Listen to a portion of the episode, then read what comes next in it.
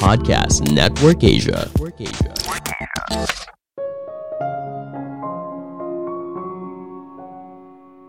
Sukses di banyak bidang termasuk dalam bisnis adalah soal bekerja sama dengan orang lain, bukan bersaing sikut-sikutan.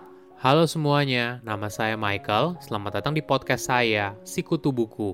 Kali ini saya akan bahas buku Never Eat Alone karya Kate Ferrazzi. Sebelum kita mulai, buat kalian yang mau support podcast ini agar terus berkarya, caranya gampang banget. Kalian cukup klik follow Dukungan kalian membantu banget supaya kita bisa rutin posting dan bersama-sama belajar di podcast ini. Buku ini membahas sukses di era sekarang itu tidak bisa sendirian. Kamu perlu bantuan orang lain untuk bisa mencapai hal besar. Ada batasnya seorang yang sendirian untuk bisa sukses dalam hal bisnis atau karir. Apabila kamu mencoba membangun karir yang sukses tanpa hubungan yang kuat dari orang di sekitar, sama seperti kamu membangun rumah di atas pasir fondasi kamu akan melemah sepanjang waktu dan pada akhirnya kamu akan tenggelam. Ada riset yang menarik. Dari 282 responden yang disurvei, 56% mengaku kalau mereka mendapat pekerjaan dari kontak pribadi, 19% dari iklan lowongan kerja, dan 10% dari usaha sendiri. Apalagi dalam kondisi ekonomi yang sulit, punya jaringan pribadi sangatlah penting namun jangan dianggap remeh, orang yang kamu kenal sekarang mungkin levelnya hanya staff. Tapi tidak ada yang tahu, di masa depan mungkin saja dia akan jadi direktur atau bahkan direktur utama. Penting bagi kita untuk bisa menjadi orang yang disukai banyak orang. Saya merangkumnya menjadi tiga hal penting dari buku ini. Pertama, kenapa perlu punya banyak teman? Seseorang yang hebat bergaul tidak akan pernah bertanya, bagaimana orang ini bisa bantu saya tapi dia akan bertanya, bagaimana saya bisa bantu mereka? Pemikiran di balik ini sederhana. Semakin siap kamu membantu orang lain, maka orang lain juga akan siap membantu kamu. Menjadi orang yang dermawan akan membangun kepercayaan dan saling pengertian. Pada akhirnya, hal inilah yang pererat hubungan kamu dengan orang lain. Banyak orang sering salah dalam hal membangun jaringan pertemanan. Mereka baru membangunnya ketika butuh Kesalahan ini sering banget terjadi. Analoginya seperti kamu baru mulai membeli jaket pelampung saat kapal sudah mau tenggelam. Jangan melihat hubungan manusia seperti investasi jangka pendek dan berharap untuk mendapatkan imbal hasil dalam waktu yang cepat. Analoginya seperti ini, hubungan manusia itu tidak seperti kue yang semakin lama semakin kecil apabila ada orang yang mengambil manfaat dari hubungan tersebut. Namun hubungan manusia itu seperti otot yang semakin besar dan kuat apabila kamu sering menjaganya. Orang yang jago networking selalu mendekati orang lain sebelum kamu butuh mereka. Hal ini akan membangun rasa percaya dan saling pengertian. Ini adalah dua fondasi awal yang sangat penting dalam sebuah hubungan. Jangan sampai kita dianggap dia cari saya hanya ketika butuhnya saja. Persepsi ini sangatlah buruk dan akan membuat kita kesulitan membangun hubungan yang baik di masa depan kamu harus sabar membangun jaringan selangkah demi selangkah. Untuk mendapatkan kepercayaan seseorang itu tidak mudah, kamu perlu masuk dengan perlahan. Ibaratnya, sebuah hubungan itu seperti lari maraton bukan sprint. Ada contoh yang menarik. Mantan Presiden Amerika Serikat Bill Clinton merupakan seseorang yang ahli membangun jaringan, jauh sebelum dia jadi presiden. Saat usianya 22 tahun, setiap malam Bill punya kebiasaan untuk menuliskan nama setiap orang yang dia temui di hari itu. Dia juga dikenal sebagai pribadi yang ramah, mudah didekati orang lain, dan selalu menunjukkan ketertarikan yang tulus saat berbicara dengan orang lain. Inilah yang akhirnya bisa membantu dia hingga duduk ke kursi Presiden Amerika Serikat di masa depan.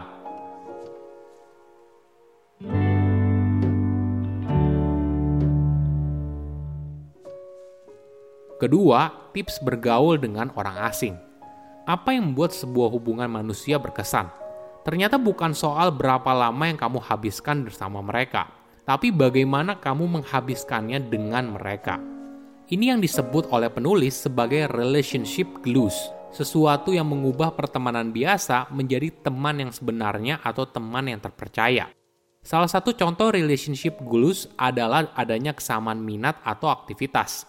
Hal ini bisa apa aja yang kamu dan orang tersebut nikmati untuk lakukan. Bisa soal olahraga, jenis makanan yang sama, hobi, pandangan politik, dan sebagainya. Di luar dari acara formal atau di tempat kerja, kita akan lebih rileks, tulus, dan mudah didekati. Ketika kamu dan dia sedang berada dalam situasi yang rileks, maka kamu berdua sedang membangun hubungan pertemanan yang sebenarnya. Selain aktivitas yang cocok, hal lain yang tidak kalah penting adalah isi pembicaraan. Ketika diajak ketemuan dengan seorang pertama kali, biasanya muncul pertanyaan, apakah saya mau menghabiskan waktu dengan orang ini? Apa untungnya bagi saya? Pertanyaan inilah yang harus kita jawab. Ada dua poin penting untuk menarik perhatian seseorang. Pertama, kamu punya bahan obrolan. Cara terbaik untuk bisa asing ngobrol adalah jangan fokus pada small talk atau pembicaraan basa-basi. Coba cari tahu apa yang disukai oleh lawan bicara dan pakai topik itu untuk jadi bahan obrolan. Kamu juga harus terlihat perhatian, jujur, dan terbuka pada orang tersebut. Kedua, punya ciri khas. Jika kamu ingin menarik perhatian seseorang, kamu harus berbeda. Misalnya bisa saja dari pesan yang kamu sampaikan, soal ide atau keahlian yang kamu miliki. Apa pun itu, sesuatu yang membuatmu terlihat seperti seorang yang ahli. Penulis misalnya dia dikenal sebagai ahli pemasaran. Ketika bertemu orang baru, penulis sering kali bercerita soal tren pemasaran terbaru, berusaha memahami kebutuhan lawan bicara, lalu memberikan pandangannya sebagai ahli pemasaran.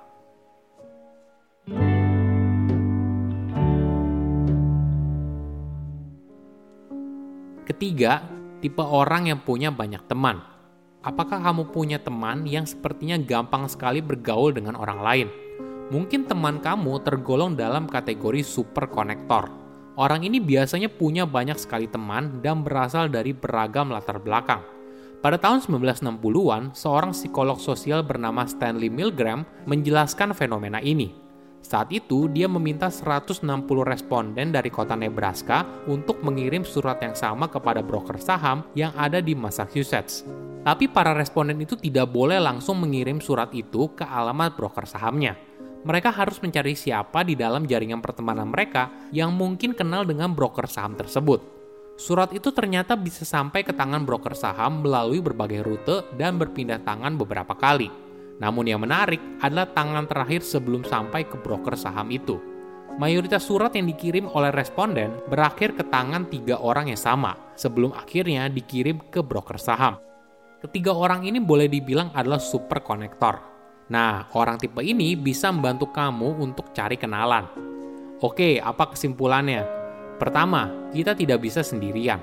Ada batasnya seorang yang sendirian untuk bisa sukses dalam hal bisnis atau karir. Apabila kamu mencoba membangun karir yang sukses tanpa hubungan yang kuat dari orang di sekitar, sama seperti kamu membangun rumah di atas pasir. Fondasi kamu akan melemah sepanjang waktu dan pada akhirnya kamu akan tenggelam.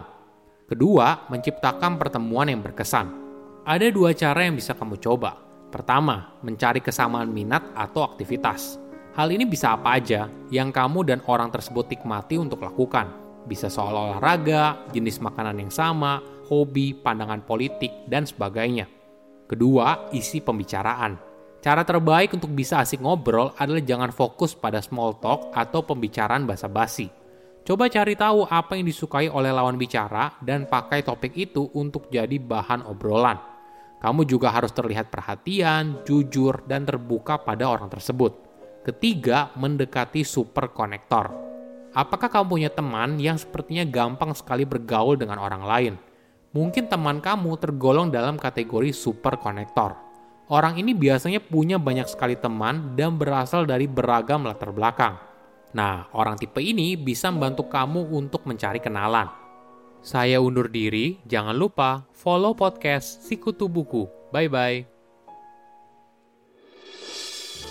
Halo teman-teman, gimana podcast tadi? Semoga kalian terhibur dan mendapatkan sesuatu yang berguna ya.